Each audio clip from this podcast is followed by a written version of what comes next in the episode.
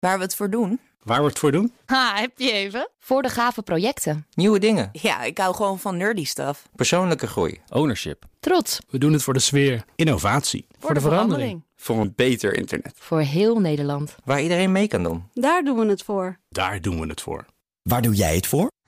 Kom werken voor KPN en groei op jouw manier. Check de actuele vacatures op het gebied van data, security, development en networking op jobs.kpn.com/tech. Wetenschap vandaag.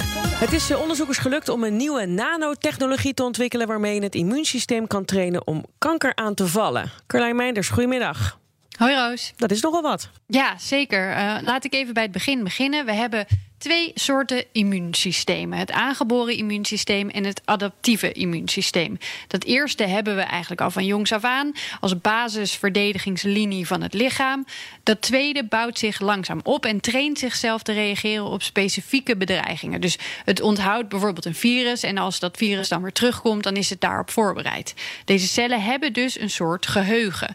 Nou werd er lange tijd gedacht dat het aangeboren immuunsysteem dit niet kon, dat dit niet kan onthouden. Maar inmiddels is dat wel anders? Ja, inmiddels weten we uh, dat deze cellen met een beetje hulp ook getraind kunnen worden. Pionier op dit gebied is onderzoeker Mihai Netea. Hij hoorde weer over het werk van Willem Mulder van de Technische Universiteit Eindhoven. Mulder hield zich op dat moment al bezig met nanotechnologie, waarmee de immuunreactie gereguleerd kon worden. En zo begon het balletje te rollen. Ik kan me nog best goed herinneren, was in juni 2016. Zat voor het eerst in zijn kantoor. Ik zit voor het grootste deel van de tijd in de Verenigde Staten. Dus zat ik in kantoor in de Radboud. En zei hij, zou jij die technologie ook kunnen aanpassen of zo kunnen ontwikkelen... dat we zeg maar, het immuunrespons en dan specifiek trained immunity kunnen induceren met jouw technologie? En, en toen zijn we eigenlijk gewoon met z'n tweeën een beetje gaan kijken van hoe werkt dat precies? Um, en toen hebben we een ontwerp gemaakt en daar zijn we mee aan de slag gegaan. Dat is nu iets meer dan vier jaar geleden. Ja, wat wilden ze voor elkaar krijgen? Ja, uh, ze, hebben er dus, uh, ze zijn er inmiddels dus vier jaar mee bezig geweest. En Mulder kan zelf het beste uitleggen wat ze wilden bereiken. Wat je heel graag zou willen is dat trained immunity opwekken op een hele veilige manier.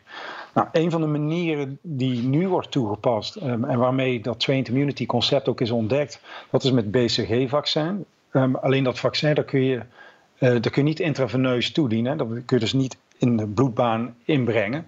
Omdat dat enorm veel bijwerkingen dan genereert. Hè. Dat, is, dat, is een, dat is een levende microop, hè, een bacterie. Um, en die kan dus sepsis veroorzaken. Dus wat wij eigenlijk hebben gedaan, is we hebben een beetje gekeken van uh, wat, wat zijn nou de elementen of de, moleculaire structuren in dat BCG-vaccin die trained immunity opwekken. Um, en die hebben we eigenlijk gescoopt van dat BCG-vaccin, die hebben we geïntegreerd in onze nanotechnologie. En wat kunnen ze dan met dat nanostofje doen? Ja, daarvoor moeten we nog even wat dieper het lichaam inzoomen. Die materialen die hopen op in het beenmerg en daar gaan ze interacties aan met de, de, de, zeg maar de grootouders en de ouders van onze immuuncellen. Dat zijn stamcellen en voorlopercellen.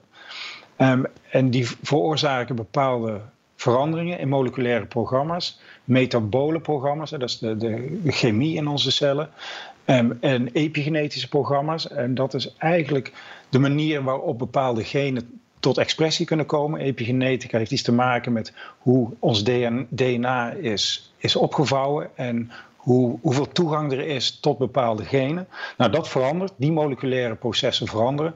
En daardoor zijn de zeg maar de, de kinderen van, van die voorlopercellen, die worden geproduceerd, die, die zijn veel alerter. En die, die krijgen in principe een soort andere opvoeding. En zo kunnen ze dus ook beter ziektes aanvallen. Ja, en het mooie is, het is een tijdelijke reactie. Dus een tijdelijke generatie van cellen. Als je ze stoppen met de behandeling, dan wordt alles ook weer normaal. En dan moet dit natuurlijk enorm nauwkeurig, want je wil ook geen overreactie veroorzaken. Dus de samenstelling van het stofje moet precies goed zijn voordat het ook klinisch getest kan worden.